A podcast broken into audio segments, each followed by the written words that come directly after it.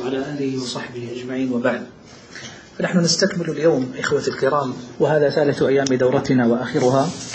نستكمل ما كنا قد بدأناه بالأمس وانتهينا عنده. ونحن نتحدث عن المسار الزمني للتصنيف في علم الأصول.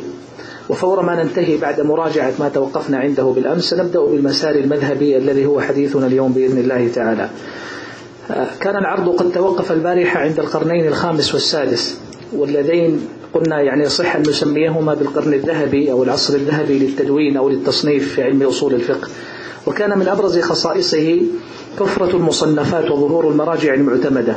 فعندما نتحدث عن أصول كتب علم الأصول ومراجعه الأمهات ومصنفاته التي تعد أصولا بحقيقة فإن غالبها وجلها كان من نتاج القرنين الخامس والسادس.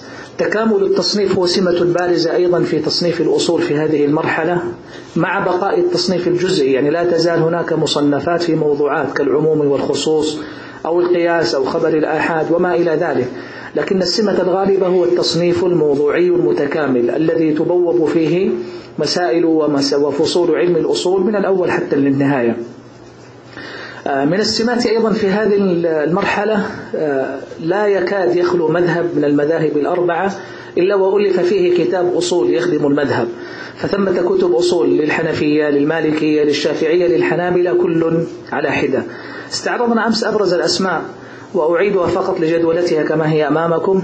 القاضي أبو زيد الدبوسي في تقويم الأدلة وتأسيس النظر القاضي أبو الحسين البصري تلميذ القاضي عبد الجبار وقد شرح كتاب شيخه العمد وألف استقلالا كتابا معتمد وأصبح كتابه المعتمد مع كتاب شيخه القاضي عبد الجبار العمد أو العهد من أصول هذا الفن ومراجعه المهمة. الإمام ابن حزم الأندلسي الظاهري خدم المذهب الظاهري بكتاب الإحكام ولا نجد في مكتبة الأصول المعاصرة اليوم شيئا من كتب الأصول يخدم المذهب الظاهري سوى كتاب الإحكام. كتاب الإحكام لابن حزم فوق أنه يؤصل أصول المذهب الظاهري فيه مزايا لا توجد في غيره من كتب الأصول إطلاقا. سبقا أشرت بالأمس أن أي مبحث يتعلق بالنص الشرعي أو دلالات الألفاظ أو التعامل معها فللظاهرية مذهب يتسم بقداسة التعامل مع النص فيخدمون هذه الأبواب خدمة جليلة في التصنيف. وابن حزم خير شاهد. من مزايا ابن حزم أيضا يا إخوة صنعته الحديثية التي امتاز بها. من يقرأ في المحلى مثلا لابن حزم وهو يسوق المذاهب أو يسوق حتى النصوص والآثار يسوقها على طريقة المحدثين مسندة يسوقها بسنده. هو هكذا يصنع حتى في الإحكام. فإذا جاء لمسألة وأراد أن يستشهد فيها بأثر بقي على صنعته. وهذا الذي لا تكاد تجده بل لن تجده في أي كتاب أصول على الإطلاق. أن يسوق المصنف أثرا أو حديثا بإسناده. لكن ابن حزم حافظ على سمته الحديثي حتى في كتاب الإحكام. والحقيقة كتاب الإحكام ينقصه خدمة جليلة تخرجه كما يليق به خدمة للنص وتحقيقا على الضوابط المعاصرة. وربما خذني في بعض الرسائل لكن الموجود في السوق والمطبوع ليس بذاك. القاضي أبو يعلى الحنبلي في كتابه العدة هو أيضا أحد المؤسسين لأصول الحنابلة في كتابه. لم يكن قبل القاضي أبي يعلى كتاب للحنابلة يؤصل فيه مذهب الإمام أحمد. حتى جاء القاضي أبو يعلى فألف كتاب العدة. كل من جاء بعد القاضي أبي يعلى أصبح عالة عليه في أصول الحنابلة وابتداء من تلميذه أبي الخطاب ثم أبي الوفاء بن عقيل ومن جاء بعدهم هم عالة على كتاب شيخهم القاضي أبو يعلى. يمتاز القاضي أبو يعلى بأنه فقيه في المذهب ملم به عارف بمسائله. أصل لمذهب أحمد بطريقة يصلح أن يكون الكتاب مزيجا بين طريقة الحنفية وطريقة المتكلمين.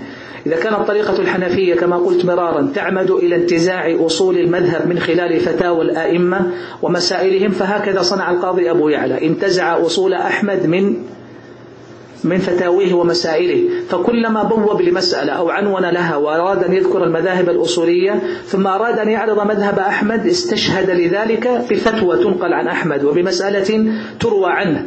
فينقلها ويظهر كيف أنه فهم من الرواية أو من الفتوى أو من المسألة كيف فهم أن مذهب أحمد في المسألة الأصولية كذا. ويسوقها. قلت وقد يكون لك عليه ملحظ وعدم موافقة في بعض وجوه الاستنباط لكن هكذا صنع رحمه الله. فهو من حيث الترتيب سلك مسلك المتكلمين تبويب وترتيب. من حيث الطريقة التي يثبت فيها مذهب أحمد انتزاعا من فتاويه ومسائله سلك طريقة الحنفية. فالذين جاءوا بعده استفادوا كثيرا.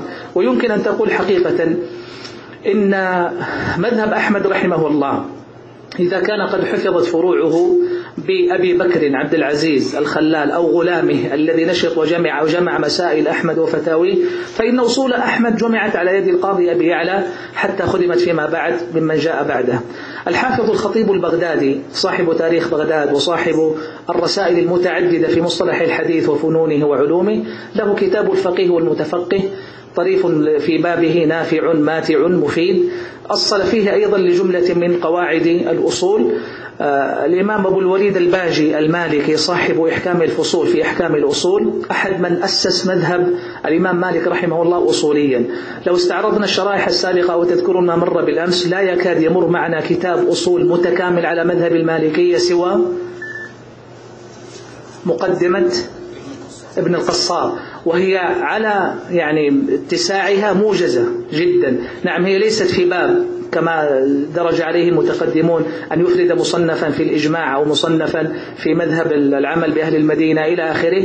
هو استوعب حاول أن يستوعب لكنه لا يزال مختصر وهو أراده كما قلت أن يكون مقدمة لكتابه الفقهي الخلافي الكبير عيون الأدلة. فلما جاء أبو الوليد الباجي وصنف إحكام الفصول أصبح مصنفا أصوليا مستقلا متكاملا. فهذه قيمة الكتاب كما سيأتي في المسار المذهبي بعد قليل. أبو إسحاق الشيرازي رحمه الله شيخ الشافعية في وقته وإليه انتهت رئاسة المذهب صاحب المتون المعتمدة في فقه الشافعية وهو كذلك صاحب التنبيه مثلا وصاحب الأصول المعتمدة عند الشافعية كاللمع وشرح اللمع والتبصرة. ثلاثة رسائل سيأتي ذكرها تفصيلا في المسار المذهبي. اللمع أشبه بمتن مختصر. فيه العبارات الموجزة التي تؤصل لمذهب الشافعي في قواعد الأصول. ثم شرحه هو في شرح اللمع. فهما كتابان اللمع ومطبوع مستقلا وشرح اللمع مطبوع أيضا. شرح فيه رحمه الله ما ذكره في ذلك المتن. كلاهما كتاب معتبر عند الشافعية. ثم جاء فصنف التبصرة التبصرة كتاب أصولي فريد. لا يريد به أصول المذهب الشافعي ولا يريد به أصول الفقه المقارن. هو أشبه برؤوس المسائل في الأصول. يبوب ثم يأتي لرأس مسألة من المسائل. وغاية ما يعرضه ذكر الخلاف الأصولي بين المذاهب بإيجاز وشيء من رؤوس الأدلة. فهو تقريب لعلم أصول الفقه المقارن. أن يذكر المذاهب المختلفة في في مسائل الأصول بإيجاز وباستعراض لرؤوس الأدلة وليس باستيعاب واستعراض كامل. فهي أيضا في هذا القرن الخامس تعتبر تجربة رائعة مبكرة في هذا الزمان أن يسوق الخلاف الأصولي مرتبا على رؤوس المسائل وليس على كلها وبرؤوس الأدلة أيضا وليس بطريقة استيعاب. آه، جاء بعده آه، إمام الحرمين الجويني أبو المعالي في البرهان الوقات يذكر باعتبار انتشاره وتداول طلاب العلم له وإلا في الكتاب الأصولي المعتبر له البرهان ومضى البارحة الحديث عن البرهان وخصائصه وسمته وكيف هو ذو موقع يصبح ثالث ثلاثة مع كتابي القاضي عبد الجبار العمد أو العهد وكتاب أبي الحسين المعتمد. يأتي الثالث البرهان. فخر الإسلام البزدوي في أصوله كنز الوصول إلى معرفة الأصول. أصبح المتن المعتمد عند الحنفية المتقدمين. هو كتاب أصول مختصر. على شكل المتون التي تدرس وتعتمد. أصبح أصول البزدوي متنا معتمدا عند الحنفية المتقدمين لإيجاز العبارة ولاحتوائه على أصول المذهب وقواعده ولاشتماله أيضا على آه، ما يراد أن يؤسس في مذهب الحنفية. إذا هو متن وليس شرحا. وبالتالي فإن نقل شيئا من الفتاوى عن أئمة المذهب أبي حنيفة أو محمد أو أبو يوسف فليس على طريقة أصول السرخسي الذي يستطرد في الحشد والجمع والاستشهاد وإثبات عدد بالعشرات من الفتاوى والمسائل لا. ربما أشار إلى مسألة واحدة ومسألتين ويمشي فهو متن موجز وله شروح غدت هي أيضا من مراجع الحنفية ومن أشهر شروحه كشف الأسرار. عن أصول فخر الإسلام البزدوي لعبد العزيز البخاري. كتاب نافع مليء حقيقة ومن من الأصوليين المحكمين لفن الأصول في سياق المسائل وفي عرضها وفي النقاش والاستدراك. كتاب نافع وتين جدا في أصول الحنفية ولا يخلو من ذكر المذاهب. يعني جاء عبد العزيز البخاري في كشف الأسرار فساق مذهب مالك ويناقش ويرد ويسوق مذهب الشافعية ويناقش ويعترض. في الحقيقة من أجل الكتب الأصولية في مكتبة طالب العلم كتاب كشف الأسرار لعبد العزيز البخاري. أبو المظفر السمعاني صاحب قواطع الأدلة هو أيضا من الأصوليين الذين اعتنوا بتأسيس مذهب الشافعية. لاحظ الشريحة التي قبلها أول واحد في القائمة القاضي أبو زيد الدبوسي في تقويم الأدلة. لم يظفر كتاب القاضي أبي زيد الدبوسي عند الحنفية بقبول كبير في تقويم الأدلة. ولهذا حتى المدارس الحنفية طلاب العلم لما يدرسون الأصول وعندهم سلم ترتيب في بعض المتون المقررة ليس من بينها في القائمة كتاب تقويم الأدلة لأبي زيد. ليس لأنه غير معتبر عند الحنفية. أبو زيد الدبوسي إمام مجتهد في المذهب وصاحب تقريرات قد تخالف المذهب وله جرأة في تقرير المسائل. وعادة ما إذا كان المصنف فقها أو أصولا بلغ من الاجتهاد والنظر والترجيح شيء يخرج به عن قواعد المذهب يخرجه علماء المذهب من الكتب التي تصنف ضمن المتون التي يدرس بها المذهب لأنه لم يدرس المذهب بهذه الطريقة. إذا هو ليس انتقاصا لكتاب أبي زيد لكن المنهجية المذهبية في كل المذاهب تقتضي اعتماد كتاب معتمد عندهم في المذهب وفق قواعده وأقوال آئمته. وكتاب تقويم الأدلة ليس من هذا الصنف. فيه اجتهادات وفيه جرأة في تقرير المسائل. فبذلك لم يكن ضمن المصنفات التي تعتبر في منهجية الطلب على أصول الحنفية ضمن القائمة. لما صنف القاضي أبو زيد الدبوسي تقويم الأدلة كان فيه شيء من استكمال الخط الذي بدأه الجصاص في القرن الرابع 370 لما صنف الفصول. الجصاص لما صنف الفصول كان أحد مقاصده أحد مقاصده مناقشة الشافعي في جملة مما قرره في الرسالة. الشافعي لما صنف الرسالة كان أول إنتاج كما قلت بالأمس لإخراج قواعد علم الأصول إلى الدنيا مكتوبة على شكل مباحث وقواعد ومسائل. وكان بذلك وكان بذلك يناقش الحنفية في كثير من أصولهم. فكان هذا مما استثار الحنفية في تقرير قواعد مذهبهم. فلما جاء الجصاص وألف كتابه جعل يناقش الشافعي في كثير من القضايا. وهو في كتاب الفصول يريد أن يضع الأصول وقواعد المذهب لكنه وجد فرصة لأن يناقش الشافعي ويخالفه فيما ذهب إليه ليقرر هو مذهب الحنفية واضح؟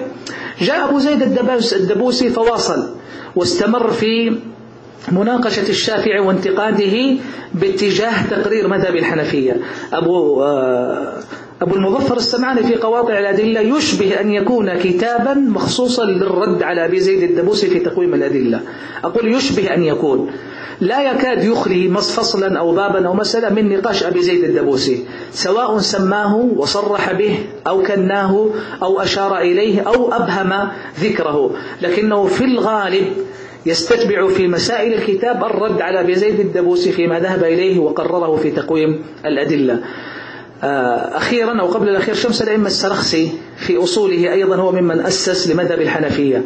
واليوم الحقيقة يعتبر كتاب أصول السرخسي مهما لمن يبحث مسألة الحنفية في قواعد في الأصول أو يوثق أو يعزو فإن أصول السرخسي من الكتب المتكاملة التي ما خلت منها مسائل الأصول وقررتها على طريقة الفقهاء المعتمدين في المذهب. حجة الإسلام الغزالي أبو حامد في المستصفى أشرت إلى المنخول وشفاء الغليل باعتبارهما مصنفين أصوليين. 505 نحن على أعتاب القرن السادس.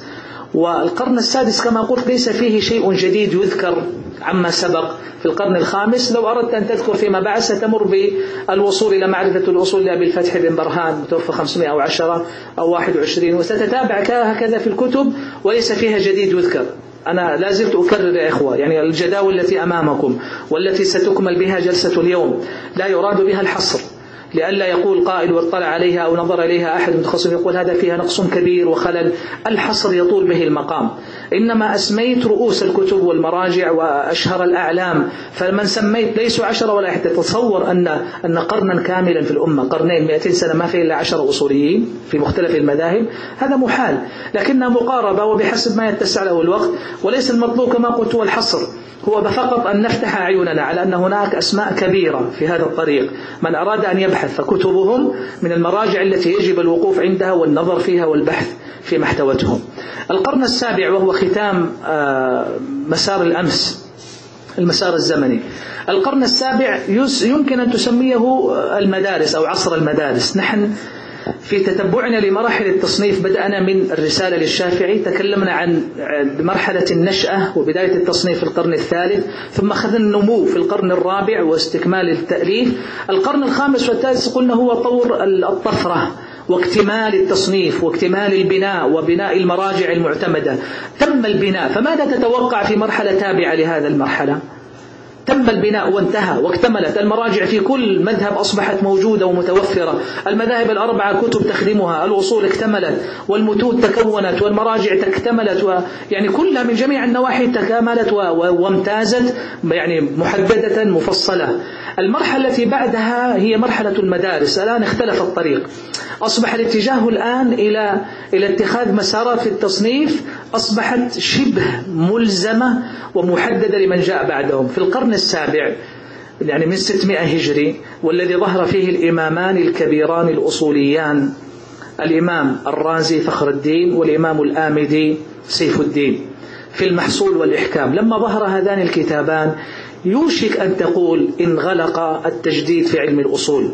وانغلق الباب وصارت المدرسة فيما بعد هي محاولة اتخاذ أحد هذين المسارين للسير عليهما في التصنيف والتأليف والبحث وسيظهر لك بهذا العرض. القرن السابع كان من أبرز خصائصه قيام المصنفات فيما سبق. يعني المرحلة السابقة اكتمل فيها التصنيف الأصولي وقام على سوقه كما ينبغي. أخي ثانيا ابتداء مرحلة الانتقاء والجمع والتهذيب. فما عاد هناك كتب تخدم المذهب وقد سبقت ووجدت. الآن هي مرحلة انتقاء. يأتي مصنف حنبلي أو شافعي يحاول أن ينتقي مما كتب فيصنف كتابا مهذبا يرتب فيه المسائل وكذلك في سائر المذاهب. تأسس مدرستي الرازي والآمدي في المحصول والإحكام وسيأتي شرحها بعد قليل. أخيرا تحول التصنيف إلى التبعية التامة. لم يعد هنا استقلال. بمعنى لم يعد هناك مصنف يعبر عن رأيه. يعني سابقا كنت ترى أبا يعلى فإذا هو مذهب مستقل الجويني وإذا هو طريقة مستقلة. الغزالي وإذا هو معلم بحد ذاته. الدبوسي في تقويم الأدلة متميز. البزدوي ويأتي بعده في كل واحد كان سمتا وله بصمة. الآن في القرن السابع وما بعده كما قلت أغلق هذا الباب وأصبحنا نعيش مرحلة التبعية التامة. أقصد بالتبعية أن الكتب والتصنيفات الأصولية أخذت تتجه نحو الاختصارات والشروح والحواشي. ومن صنف كتابا ليس شرحا ولا حاشية ولا مختصرا لكتاب غيره فإن مضمون كتابه أيضا ليس فيه جديد. سيؤلف وإذا هو نسخة قريبة من الأصل من كتاب فلان. وإذا هو اتخذ طريقة فلان في التبويب والترتيب والترجيح والاختيار. ويعني ليس هناك جديد يستحق أن يذكر. حقيقة في القرن السابع وما بعده الثامن التاسع العاشر بدأت الأمور تتجه نحو النزول. نحو النزول أقصد في التميز والإبداع والابتكار. القرن الخامس والسادس بلغ القمة بعده بدأ قرن السابع المحصول والآمدي كأنهم اعتلوا القمة فرضي الوصوليين بعدها للوقوف عند هذين هاتين القمتين والسير تبعا لهما. لا تستطيع أن تجد علما أصوليا وأنا أقول بلا مبالغة لن تجد علما أصوليا محققا محررا تستطيع أن تأخذ عنه تأصيل لمسألة على نحو لم يسبق إليه إلا أفراد قلائل بعد هذه المرحلة. تجد عند الحنفية الكمال بن الهمام. وأحد الأفراد الأفذاذ. تجد عند الشافعية مثلا آه، ربما تجد آه، السبكي ووالده تاج الدين أو تقي الدين. ربما تجد عند الحنابلة الطوفي مختصر روضة الناظر لابن قدامة. ربما تجد عند المالكية القرافي. فأسماء معدودة فلان وفلان وفلان تقرأ كتابا لأحدهم في الأصول وقد تجد فيه جديدا ليس عند غيره. ومن سواهم فهو تكرار ومحاولة إعادة للتصنيف وترتيب مختلف ومغاير لكنها انتقت انتهت إلى اتخاذ مدرستين كبيرتين كما قلت هي مدرستا الرازي والآمدي. هاتين المدرستين. سارت على سأذكرها واحدة تلو الأخرى. سأبدأ بالرازي الرازي. رحمه الله الإمام فخر الدين محمد بن عمر بن الحسين وفاته في مطلع القرن السابع 606 للهجرة. إذا هو من تلامذة شيوخ القرن السادس. أخذ عنهم الشيوخ الذين يعني رست على أيديهم قواعد الفن والتصنيف الأصولي. الإمام الرازي رحمه الله ألف المحصول وله أيضا في الأصول كتابان آخران. أحدهما اسمه المنتخب والثاني اسمه المعالم في أصول الفقه. لكن الذي يعني بلغ الشهرة وطبق الآفاق وعمل عليه الناس هو كتاب المحصول. الإمام الرازي رحمه الله في محصوله تميز بخصائص. أولا استوعب ما كتب قبله. ثانيا طريقته الجديدة جدته في العرض والترتيب وسرد الأقوال والأدلة والترجيح. آه ثالثا دقة نظره رحمه الله في العبارة والإيراد والجواب. أخيرا طول النفس في الاعتراضات والجواب إلى حد الافتراض. أقصد بذلك لماذا أصبح محصول الرازي شيئا جديدا ومستقلا؟ بماذا تميز عن مستصفى الغزالي؟ بماذا امتاز عن برهان الجويني؟ ما الذي ميزه عن غيره من الكتب؟ جملة من الخصائص. من فتح كتاب المحصول وقد درس بعناية ما كتب قبله يجد أولا أن الرازي حاول أن يستوعب ما كتب في الأصول. بل يقال يقال إنه لما صنف المحصول كان يحفظ الكتب الأربعة عن ظهر قلب. العمد القاضي عبد الجبار والمعتمد بالحسين ومستصفى الغزالي وبرهان الجويني. يقال إنه يحفظها. فلما صنفها في الكتب في رأسه حد الامتلاء ومستوعب لها تماما. حتى الآمدي كما سيأتي بعد قليل يقال كان يحفظ المستصفى كما يحفظ الفاتحة. ويذكر في هذا قصة لطيفة يقول إنه رأى الغزالي في المنام. الآمدي متوفى 631 وهو بينه وبين الغزالي أكثر من 100 سنة. الغزالي 505 يقال إنه رأى الغزالي في المنام. ورأى أنه دخل غرفة وفيها تابوت. سأل من فيها؟ قالوا الغزالي. يقول فجاء فكشف التابوت. وإذا الغزالي مسجى في كفنه وهو داخل القطن فقول فكشفت عن وجهه وقبلته وخرجت. يقول فلما أفقت قلت إذا كان الله أكرمني برؤية الغزالي وتقبيله فلا بد أن أحفظ كتابه فحفظ المستصفى. وكان شديد الحفظ لما يحفظ جملة كتبا أو متنا أو نظما ونحوه. الآن الرازي رحمه الله في المحصول هو هكذا. لما صنف يقال إنه استوعب أقصد بالاستيعاب سواء صحت الرواية بأنه كان يحفظ الكتب الأربعة أو أنه كان ملما بها غاية الإلمام مدركا لما جاء فيها وبالتالي لما صاغ كتابه حقيقة لا, لا تستطيع أن تقول فاته ما في المعتمد ولا تستطيع أن تقول إن شيئا في المستصفى لم يأتي عليه. أبدا هو مستوعب. الغزالي في المستصفى كان يبدع بإتيان أشياء جديدة البرهان كذلك له أشياء جديدة. جاء الرازي فاستوعب كل ذلك. هذا أحد أسباب اعتماد الناس على المحصول فيما بعد. أنا لماذا أذهب إلى المستصفى؟ واشتغل عليه والبرهان واشتغل عليه والمعتمد. وعندي كتاب يجمع كل ما في هذه الكتب فالاشتغال به يغنيك عن الرجوع إلى تلك الكتب متفرقة. أقول جدته في العرض والترتيب. الرازي افتتح أيضا هندسة جديدة في تبويب علم الأصول ومسائله وترتيبه ويتخذ تسلسلا منطقيا محكما. اليوم الشباب في الدراسات العليا يدرسون في منهج البحث مثلا أو في قاعة البحث. يدرسون صنعة البحث وما آليته المنهجية الآلية التي قلتها في أول يوم. ويدرسون أن هناك تبويبا أصبح متعارفا عليه وأن التنظيم الأكاديمي في صناعة الرسائل والبحوث العلمية تقتضي ترتيبا معينا. يا ناس الرازي قبل أكثر من 700-800 سنة أكثر من 900 سنة والرجل عنده خطة منهجية لرسم البحوث وكتابة الكتب. يعني طبق هذا المنهج تجده من أول الكتاب إلى آخره مطبوع في خمسة أجزاء يسير وفق ترتيب محكم وضع لنفسه خطة ومشى عليها. وبالتالي فأنت تلتمس حقيقة منهجية متقنة للغاية. ليس وحده الغزالي كذلك.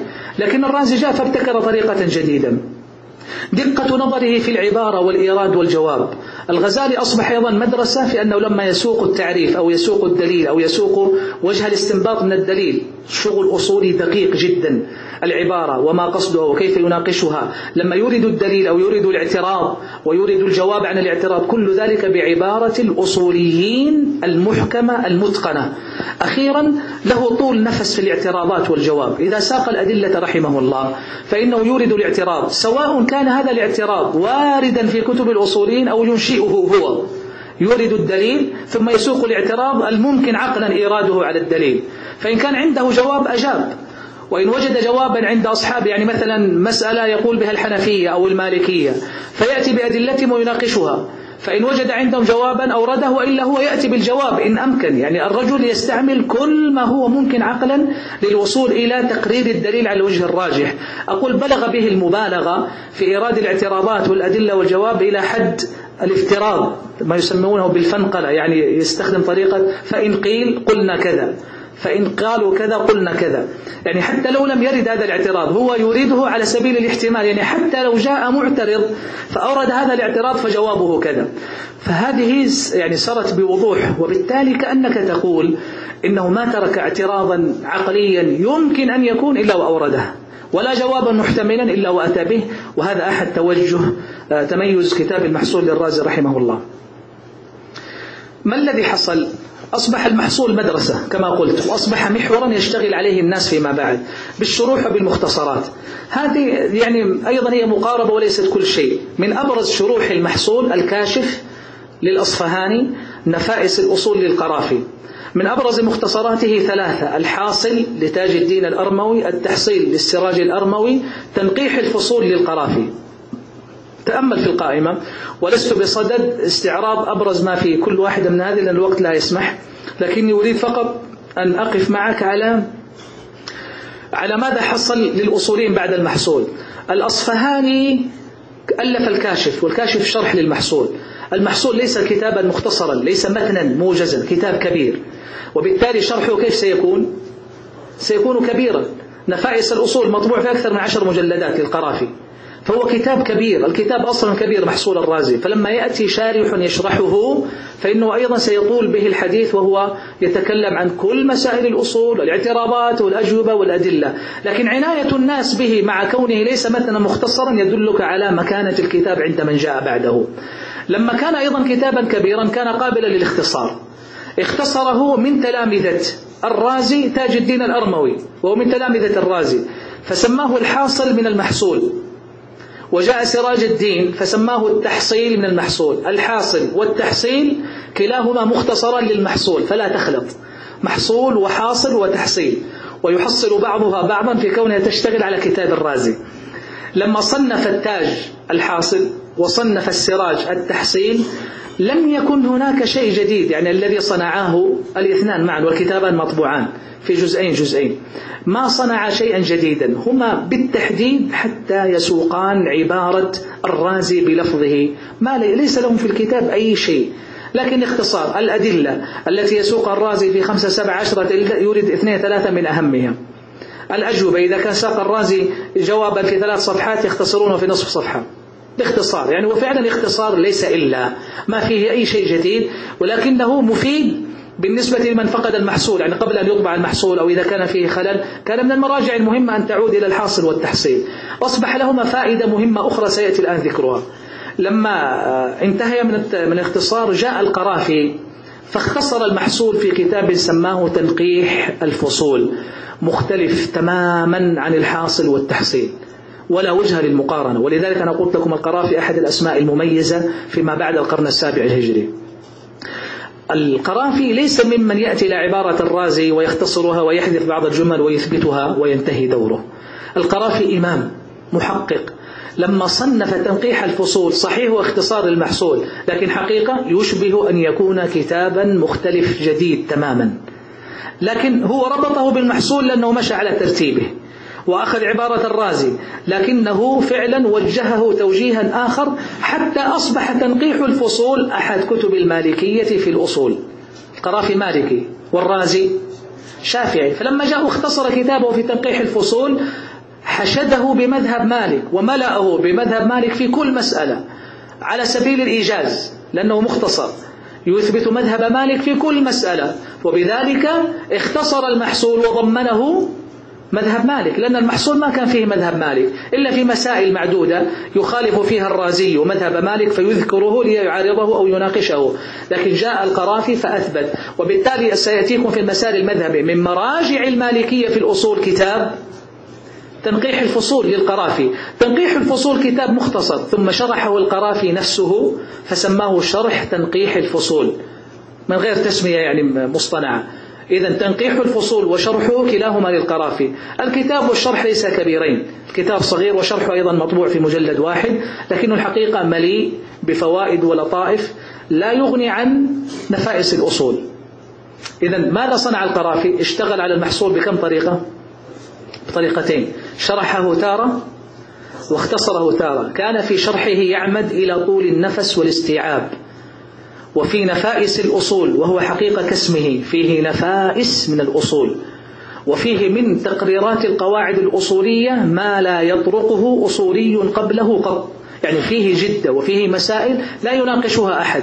وبالتالي أصبح القرافي صاحب صنعة متميزة في تدوين الأصول. لما جاء لتنقيح الفصول هو أراد أن يسلك مسلكا آخر. أراد أن يختصر المحصول ويعززه بإثبات مذهب مالك رحمه الله. أنا كتبت تحت مختصر المنهاج البيضاوي لأن هذه مرحلة مهمة في مسار الأصول. البيضاوي لما جاء الإمام البيضاوي صاحب التفسير لما جاء أخذ الحاصل لتاج الدين الأرموي وأخذ التحصيل للسراج الأرموي ثم مزجهما وجمعهما وصنع منهما مختصره منهاج الوصول إلى علم الأصول. وأصبح مختصر التسمية مختصر المنهاج مختصر المنهاج. فمنهاج البيضاوي أحد الحلقات المتسلسلة في التصنيف الأصولي وهو من مدرسة ها؟ المحصول للرازي. من مدرسة المحصول. لأنه آخذ كتابه من اختصاري المحصول الحاصل والتحصيل. فصنف مختصر المنهاج. لماذا غطى المنهاج على ما سبق؟ لأكثر من سبب. الحاصل كتاب كبير وليس متنا. المنهاج متن يمكن أن يحفظ. متن متن صغير. لكن الحاصل كتاب كبير مطبوع في جزئين. التحصيل مطبوع في جزئين. فجاء هو وألفه على طريقة متن. اختصر العبارة وأوجزها وأتى على جل مقصود الرازي في الكتاب وأصبح مختصر البيضاوي أو منهاج الوصول إلى علم الأصول. أصبح مختصر المنهاج البيضاوي يقابل كما سيأتي في مدرسة الآمدي مختصر ابن الحاجب. فمختصر ابن الحاجب من مدرسة الآمدي ومختصر البيضاوي من مدرسة الرازي. أصبح هذان الكتابان هما شغل الناس الشاغل إلى يومك هذا. مختصر ابن الحاجب وأصله إحكام الآمدي ومختصر البيضاوي وأصله محصول الرازي. فمن هنا غدت أهمية المنهاج لاتصاله بالمحصول. البيضاوي من أصحاب القرن السابع الهجري. القرن السابع وما بعده كما قلت هو قرن المدارس. وأصبحت الناس تعتمد على المختصرات والموجزات والحواشي والشروح والتعليقات. وأصبح هذا يعني ما يناسب تلك العصور. يبحث الطالب عن متن. فما عاد الناس يدرسون محصول الرازي ولا يدرسون مستصفى الغزالي ولا يدرسون برهان يدرسون متنا. مختصرا فكان منهاج البيضاوي أحد هذه المراجع.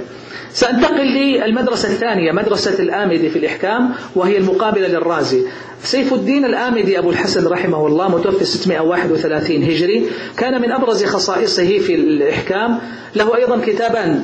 واحد منتهى السول في علم الوصول والثاني المآخذ على المحصول. إذا هو استدرك على الرازي وليس بينه وبينه كبير. يعني هو في طبقة تلامذة الرازي ولا يثبت له تلمذة عليه. هو في طبقتهم. يعني عادة لما تجد بين وفاة الرجلين قرابة العشرين أو من عشرة إلى ثلاثين سنة كحد أقصى هي مرحلة يحسن فيها تلقي أحدهما عن الآخر أو على قلت المقارنة والمعاصرة. له أيضا منتهى السول. لما ألف الإحكام اختصره في منتهى السول في علم الأصول. منتهى السول مطبوع كتاب لطيف في مجلد. كان طلاب الأزهر يدرسونه إلى وقت قريب. في المرحلة العالية عندهم في الأصول يدرسون منتهى السول للآمدي ولا يدرسون بإحكام. باعتباره متنا سهلا خفيفا ليس فيه الطول الموجود في الإحكام. أما إحكام الآمدي الكتاب الذي أصبح علما في مدرسة الأصول في هذا القرن فاستيعابه كما صنع الرازي في المحصول. ثانيا له من التميز عناية بالغة بالحدود ونقدها وصناعتها. هذا سمت متميز جدا عند الآمدي في الأحكام. كلما جاء إلى تعريف العام الخاص الأمر النهي النسخ البيان المجمل إلى آخره كلما أراد أن يعرف مصطلحا أصوليا ينفرد فيه بعناية تميز بها الآمدي في الإحكام. يورد التعريفات التي سبقت. تعرف بالحسين تعرف الرازي تعرف الجويني تعرف فلان تعرف فلان. سواء نسبه أو لم ينسبه. يورد التعريفات ثم ينقدها واحدا واحدا. ينقدها على الطريقة المنطقية في صناعة الحدود حتى يصل إلى أن يصوغ حدا جامعا مانعا. بعد ما ينتهي من المناقشة يسوق هو في الأخير تعريفه المختار. الذي أصبح الآن طريقة الدراسات المعاصرة. يعني يلزم الباحث الآن في الدراسات المعاصرة إذا كتب بحثا ومرت به اصطلاحات يلزم أن يسوق هذه الطريقة أن يذكر التعريفات السابقة يبين ما له عليه من اعتراضات وأوجه وانتقادات ثم يذكر تعريفه الراجح ولماذا هو الراجح عنده يشرحه يبين محترزات التعريف. الذين قبل الآمدي كانوا يعتنون بالتعريفات لكن أقول الآمدي تميز يعني أحيانا يفرد صفحتين ثلاثة أو أكثر لمسألة التعريف ويناقش ويأخذ ويعطي ثم ينتهي. قد يكون هذا يعني شيء من المبالغة لكنها سمت موجودة عند الآمدي رحمه الله في الإحكام. آه، من خصائصه كذلك تميز بتحرير محل النزاع وهذا من أجود ما في الإحكام للآمدي. كلما صدر بمسألة وذكر فيها مذهبا أو قولا مباشرة يأتي إلى تحرير محل النزاع بمعنى يخرج ما ليس داخلا في المسألة ويحدد منطقة الخلاف بدقة. هذه الحقيقة من اللطائف التي ما اعتنى بها غير الآمد أو لا تكاد تجدها إلا عنده.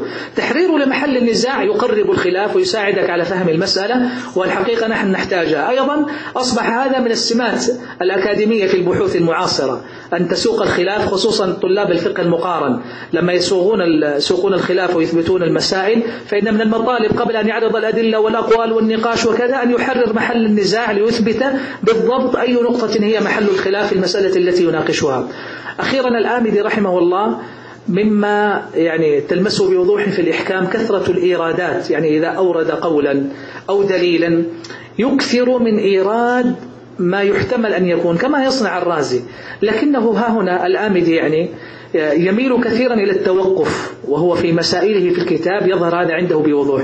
يعني لا يرجح شيئا من الأقوال. عدم الترجيح ما سببه؟ عدم الترجيح ما سببه؟ تكافؤ الأدلة والأقوال صح؟ طيب هل تعزو هذا إلى عجز وضعف وسطحية في العلم أم إلى عمق ورسوخ؟ أحدهما صح؟ أحدهما لابد. يعني أي إنسان يقف عن الترجيح في مسألة يناقشها السبب واحد من شيئين إما ضعف وقصور وعجز يعني سطحي إنسان ما يستطيع أن يرجح فوقف أو أو غوص وعمق. في القول والأدلة إلى حد أنه كلما أراد أن يختار بدا له وجه أن ذاك أقوى منه. فلما يذهب إليه يبدو له من دقة النظر واستمرار التفكير أن ثمة جانب أقوى في القول الأول. فلما يهم بالذهاب إليه مع استمرار التفكير والنظر إذا هو مزيد عمق في النظر. هكذا يفعل الآمدي في الإحكام. في كثير من المسائل يختار التوقف يعني يعرض كل الأدلة والأقوال وما أورد عليها. تتصور أنه في النهاية يعني من خلال ما فهمت أن هذا القول هو أقوى عنده. لكنه لما يختم المسألة يورد شيء من الاحتمالات التي لا تجعل القول ذاك مقبولا عنده. فكأنه تساوت عنده المسألة في النهاية فيختار التوقف ويصرح به تارة أو يسكت تارة فتفهم منه أنه ما اختار شيئا ولا رجح شيئا. ماذا نتج عن مدرسة الإحكام للآمدي؟ نتج عنها أيضا بعض المشاريع هذا باختصار. يعني حتى لا تظن أن في المحصول قلنا اختصارات وشروح. لا نعرف اختصارات للإحكام أو شروحا متكاثرة إنما أصبح نواة لمشروع انفجرت بعده المشاريع. ليس للإحكام شروح كما كان للمحصول شروح. المحصول ماذا من شروحه؟ الكاشف للأصفهاني نفائس الأصول للقرافي وغيرها من الشروح. لا نعرف شروحا متوسعة للإحكام بكثرة أو ليست مطبوعة متوفرة. إنما الموجود مختصر للإحكام. اختصره ابن الحاجب. في كتاب أسماه منتهى السول والأمل في علمي الأصول والجدل. ابن الحاجب من تلامذة الآمدي. ويجله كثيرا. بل يقول إنه ما أحد علمنا النقاش والفقه والأخذ والعطاء إلا الآمدي. ويجله أيما إجلال وعموما فسيرة الآمدي عطرة مليئة الحقيقة برجاحة عقل وبقوة إيمان وبعمق في العلوم ورسوخ في الديانة وبقدر كبير حقيقة نال به إمامة واسعة في عصره رحمه الله وسائر علماء المسلمين. جاء ابن الحاجب فاختصر الإحكام في منتهى السول والأمل في علمي الأصول والجدل. واختصارا يسمى, يسمى منتهى السول. ثم ابن الحاجب نفسه اختصر هذا المنتهى في مختصر المنتهى. إذن هو اختصر الإحكام ابتداء وسماه منتهى السول والأمل. ثم اختصر هذا المنتهى وسماه مختصر المنتهى. طلاب العلم يسمون الأول المختصر الكبير ويسمون الثاني المختصر الصغير. المختصر الكبير من أين اختصر؟ من الإحكام للآمد. والمختصر الصغير من أين اختصر؟ من منتهى السول أو من المختصر الكبير. إذا قيل مختصر ابن الحاجب فأيهما هو المقصود؟ هو الصغير والذي عليه العمل والذي تتابعت شروحه فتجاوزت العشرات. لو فتحت المكتبات والمخطوطات فمن أكثر الكتب التي اعتنى بها الأصوليون شرحا وتعليقا مختصر ابن الحاجب. كثرت شروحه جدا. شرحه المالكية لأنه مالكي وشرحه الشافعية لأن أصله شافعي. واعتنى به مختلف الناس من مختلف المذاهب. واعتنوا به عناية كبيرة. يعني مختصر ابن الحاجب ابن الحاجب مالكي. وأصل الكتاب الآمدي يعني يقال حنبلي ويقال شافعي. ثم يأتي شارح شافعي كالسبك مثلا ويشرح مختصر ابن الحاجب. فتجد المتن مالكي والشارح شافعي والأصل شافعي وهكذا يتناوب الناس لكنه في النهاية أثبت. يعني يأتي مثلا عبد الدين الإيجي شافعي يشرح مختصر ابن الحاجب ابن الحاجب مالكي. ثم يأتي محشي كسعد الدين التتازاني حنفي. حنفي يصنع شافي شحاشية على شافعي صنع شرحا على مالكي اختصر كتابا لحنبلي. فهذا التسلسل والتغاير المذهبي يخرج لك في النهاية كتاب مزيج. يعني من يقرأ من يقرأ شرح العضد على ابن الحاجب؟ تجد مختصر ابن الحاجب ولأنه مالكي أثبت فيه مذهب مالك في جملة من المسائل فما أخلاه. ولأن الشارح شافعي فيناقش ويأخذ ويعطي وكلما اتسع الشرح أو ضاق وجدت فيه من المزايا ما لا تجده عند غيره. إذا هذه مدرسة. هناك قلنا آخر آخر شيء في سلسلة الرازي يعني من من المتون المشتهرة ما هي؟ مختصر المنهاج البيضاوي. وهنا انتهى بنا إلى مختصر مختصر ابن الحاجب. مختصر البيضاوي بإزاء مختصر ابن الحاجب كما قلت يعني هما سليلا مدرستي المحصول والإحكام. أصبح شغل الناس القرن الثامن التاسع العاشر القرون المعاصرة تدريس المدارس الكبرى الإسلامية في العالم كالأزهر والمعاهد الشرعية في كثير من بلاد الإسلام. إما يدرسون مختصر ابن الحاجب وإما يدرسون مختصر البيضاوي كثرت الشروح وتتابع الناس. طبعا عدا الحنفية لهم متونهم ومختصراتهم وكتبهم. لكن الجمهور اشتغلوا بهذين الكتابين غاية الاشتغال فأصبح هذان معلمان كبيران. يعني الآن لو لو قارنت بين الاثنين أمامكما منهاج الوصول ومختصر المنتهى. منهاج الوصول للبيضاوي عبد الله بن عمر 685 ابن الحاجب 646 لاحظ الاثنان في القرن السابع. من أشهر شروح المنهاج للبيضاوي معراج الوصول للجزري مناهج العقول للبدخشي نهاية السول للإسنوي الإبهاج للسبكي ووالده كافي المحتاج لابن الملقن. من أبرز أعمال مختصر المنتهى شروحه كثيرة جدا لكن من شروح شرح عضد الدين الإيجي شرح تحفة المسؤول في في شرح مختصر منتهى السول ليحيى الرهوني. يحيى الرهوني مالكي عضد الدين الإيجي شافعي. جمع الجوامع للسبكي هو مختصر جديد يعني السبكي وفاته 771 يعني بينه وبين ابن الحاجب والجزوة والبيضاوي كم؟ قرابة 100 سنة. خلال المئة سنة كان الناس يشتغلون على مختصر منهاج البيضاوي ومختصر ابن الحاجب وكان الشغل عليهما والاستمرار عليهما حتى جاء السبكي وبالمناسبة السبكي واحد ممن تتلمذ على منهاج البيضاوي ومختصر ابن الحاجب. وله شرح على مختصر منهاج البيضاوي وله شرح على مختصر ابن الحاجب. السبكي نفسه. ألف في شرح المنهاج الإبهاج كما تراه أسفل. ابتدأه والده تاج الدين السبكي تقي الدين ثم استكمله هو التاج وأتم الكتاب. ثم ألف شرحا مختصر شرحا مستقلا لمختصر ابن الحاجب سماه رفع الحاجب عن مختصر ابن الحاجب. إذا الرجل سليل المدرستين. وتعلم من الكتابين وأخذ من المختصرين. لك أن تقول إنه كطالب علم وعالم إمام في عصره أحد من يقرأ الأصول ويرجع إلى الكتب الأساسية من يشتغل بمنهج البيضاوي عليه أن يعود إلى أين؟ محصول الرازي. من يشتغل بمختصر ابن الحاجب عليه أن يعود إلى أين؟ فلما يأتي إنسان يشتغل بالآمدي وهو مستوعب لما قبله ويشتغل بالمحصول وهو مستوعب لما قبله فحصيلته من الأصول تهيئه لأن يكون مستقلا في تقرير المسائل وتصور العلم وشرحه والتدوين فيه. هكذا صنع السبكي فألف جمع الجوامع. جمع الجوامع متن مختصر على هيئة المتون ذات العبارات القصيرة القابلة للحفظ. تلقاه الناس بالقبول. وعملوا عليه وصاروا يحفظونه لطلابهم وصار عليه نظم ينظم جمع الجوامع وبدأت الشروح عليه. لا أقول إنه غطى على مختصر ابن الحاجب ولا منهاج البيضاوي لكنه حقيقة استطاع أن يشق مسارا ثالثا. يمتاز عنهما بشيء ليس في منهاج البيضاوي وليس في مختصر ابن الحاجب ألا وهو أنه عمد إلى أشبه ما يسمى بأصول الفقه المقارن. يعني يأتي المسألة فلا بد في كل مسألة يذكر فيها مذهب الحنفية ومذهب الجمهور في كل مسألة يصنع هذا. بينما مختصر منهاج البيضاء ليس كذلك. ولا مختصر ابن الحاجب ليس كذلك. يريدون الخلاف أحيانا. لكن هذا في كل مسألة. فمن أراد أن يحفظ مسائل الأصول أو يتقنها على خلاف بين الحنفية والجمهور ومن فرد به المالكية ومن فرد به الشافعية فإن جمع الجوامع كفيل بذلك. بعبارة مختصر أتقن فيها السبكي الصنعة رحمه الله. جمع الجوامع يعني في السنوات الأخيرة من تدريس الأزهر كان الطلاب يحفظونه. في تدريسهم في علم الأصول في التخصص عندما يواصل الطلاب في المراحل المتقدمة أصبحوا يحفظون جمع الجوامع ويقرر عليهم في الدراسة بعض شروحه ويستمرون عليه. هذا الحقيقة أردت أن يكون تصورا شافيا كافيا لمعرفة إلى أين اتجه علم الأصول بعد القرن السابع. الثامن التاسع العاشر الجهود كانت تأليف ونسخ وزيادة شروح. افتح أي كتاب اعتنى بأسماء الكتب مثل كشف الظنون.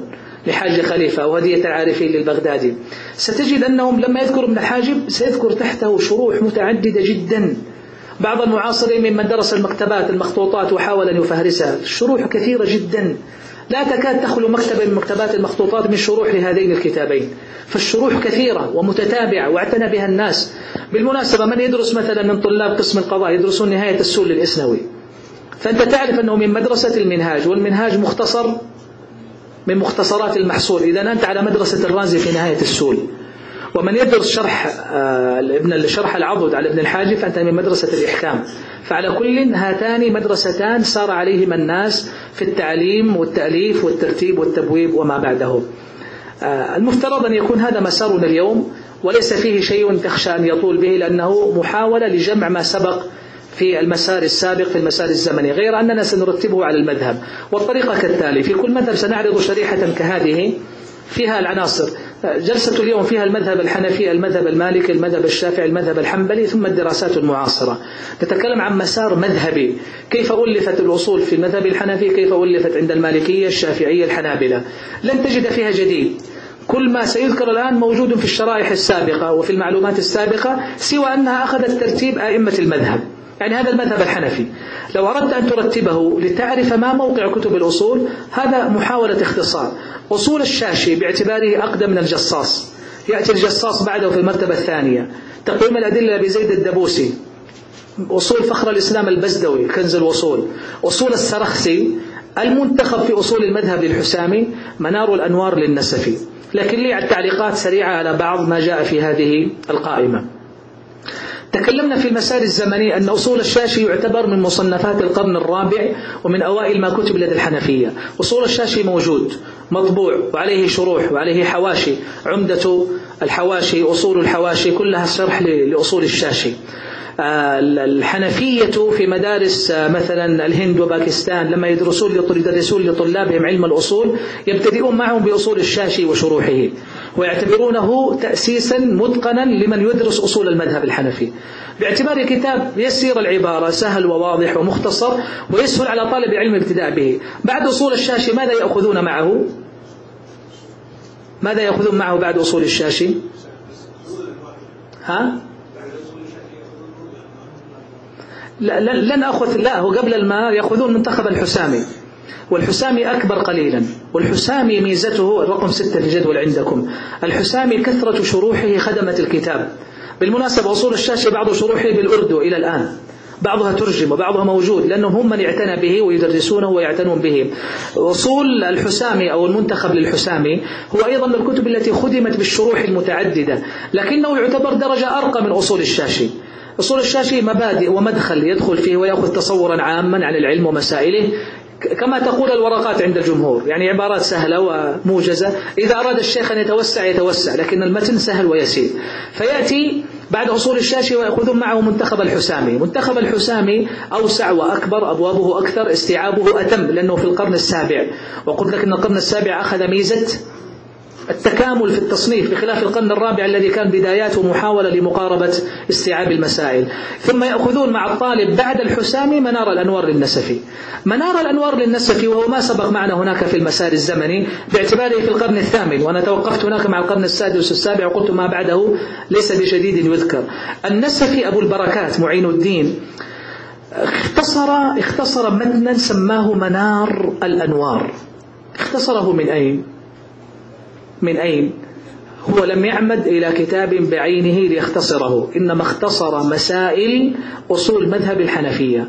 قد يكون رجع إلى جملة من المراجع لكن بالمقارنة ستجد أن منار النسفي استفاد بما يعني في تقديري أنا على الأقل أكثر من 70-80% من أصول البزدوي. الترتيب واحد العبارات في كثير منها واحدة مع إضافات النسفي أضاف إضافات. لكن جملة الكتاب وعمدته هو مأخوذ من كنز الوصول للبزدوي أصول فخر الإسلام. ولذلك أنا قلت فيما سبق بالأمس إن أصول البزدوي كان متنا معتمدا عند المتقدمين. فلما جاء النسفي ووضع منار الأنوار أصبح شغل الحنفية عليه إلى اليوم. على مختصر منار النسفي يعني المتخصص في الأصول عند الحنفية عليه أن يكون متقنا لمنار الأنوار. أو حافظا له حتى. وأصبحت شروح المنار بكثرة بالغة جدا. وأصبحت شروحه فعلا بلا مبالغة كشروح مختصر ابن الحاجب عند الجمهور في الكثرة.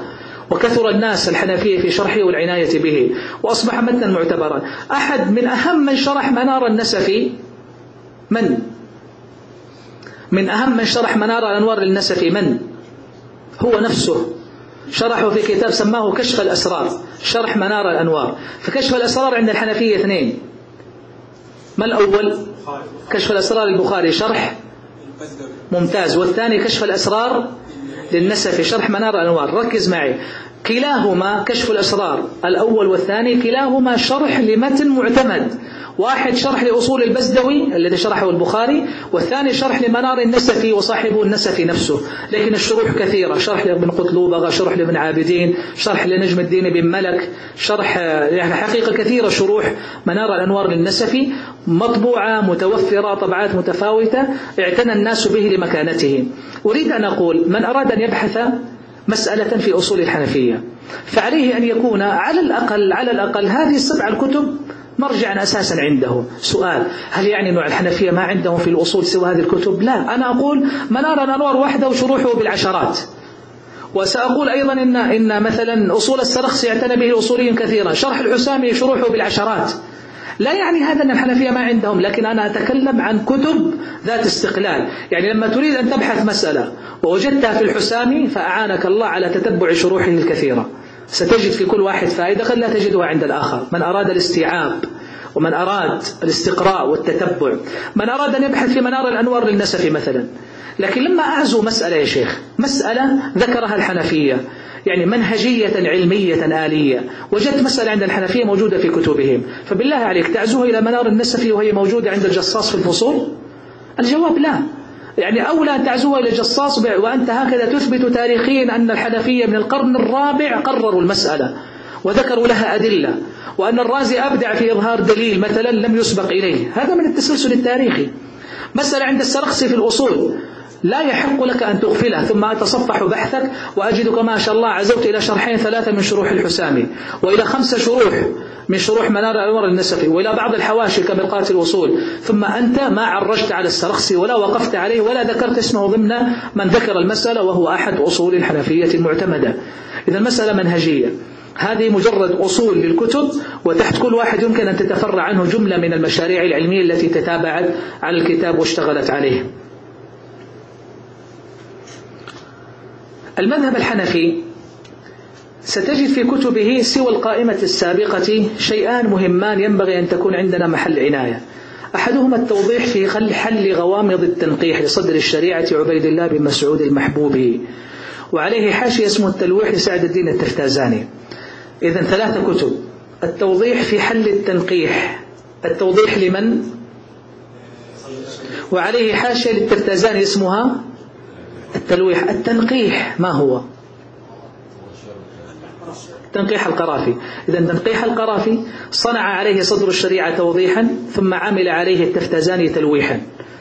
على خلاف التفتزاني تتنازع المذاهب. الشافعي يقولون تبعنا والحنفية يقولون هو لنا فهو متنازع في مذهبيته هذا لا يعنينا كثيرا الآن. لكن سبق ما قلت لكم سبق ما قلت لكم إن إن المشاريع التي يتتابع عليها علماء من مذاهب مختلفة الحقيقة فيها من اللطائف والنفائس ما لا يكون موجودا أحيانا في كتب يكون صاحب المتن شافعي والشارح شافعي والمحشي شافعي. لمن يغير مذهبه ويأتي ليخدم الكتاب ستجد عنده إضافة جديدة متميزة. هذا أحد كتب الحنفية التي يجب الوقوف عليها عند من يرجع.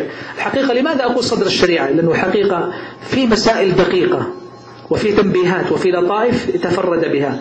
مختصر التحرير أحد الكتب المهمة للكمال بن الهمام الجامع بين اصطلاحي الحنفية والشافعية.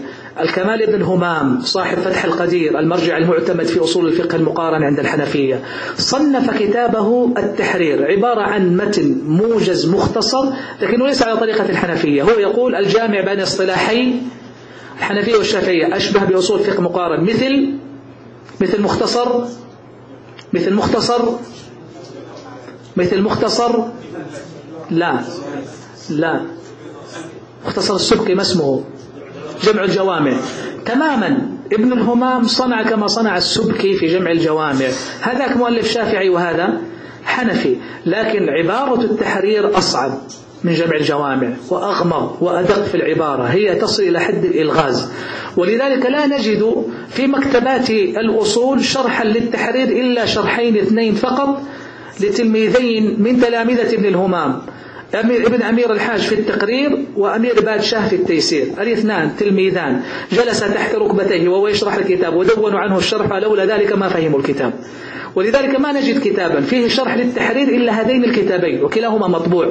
لكن للأمانة الكتاب منجم من مناجم علم الأصول التي أحجم عنها طلاب العلم. صعوبة الكتاب. ودقة عبارته وغموضها حالت بينه وبين الوصول. وإلا فوالله فيه كما قلت يعني من المسائل وأوجه التقرير ما أبان فيه ابن الهمام عن إمامة بالغة. الرجل إمام. في النحو هو يعني سيبويه صغير. في الحديث محدث عارف بالأسانيد والجرح والتعديل والتصحيح والتضعيف. في الفقه صاحب كتاب فتح القدير وكفاك به. في الأصول إمام. يقارنه الحنفية بالنووي عند الشافعية. إمام مجتهد في المذهب. يقارنونه بكبار الأئمة في المذاهب الأخرى الذين لا يشق لهم غبار. وأصبح ابن همام رحمه الله مدرسة وعلما حقيقة في طريقة الحنفية. خدم الأصول بمختصره. أقول لولا صعوبة العبارة وغموضها ودقتها يعني حتى بالشرح تتعب حتى تفهم الجملة وأنت تحتاج إلى أن تكون لك ملكة وممارسة طويلة في علم الأصول. ولهذا لا تكاد تجد الباحثين يعودون إليه ولا يعزون إليه ولا ينقلون عنه.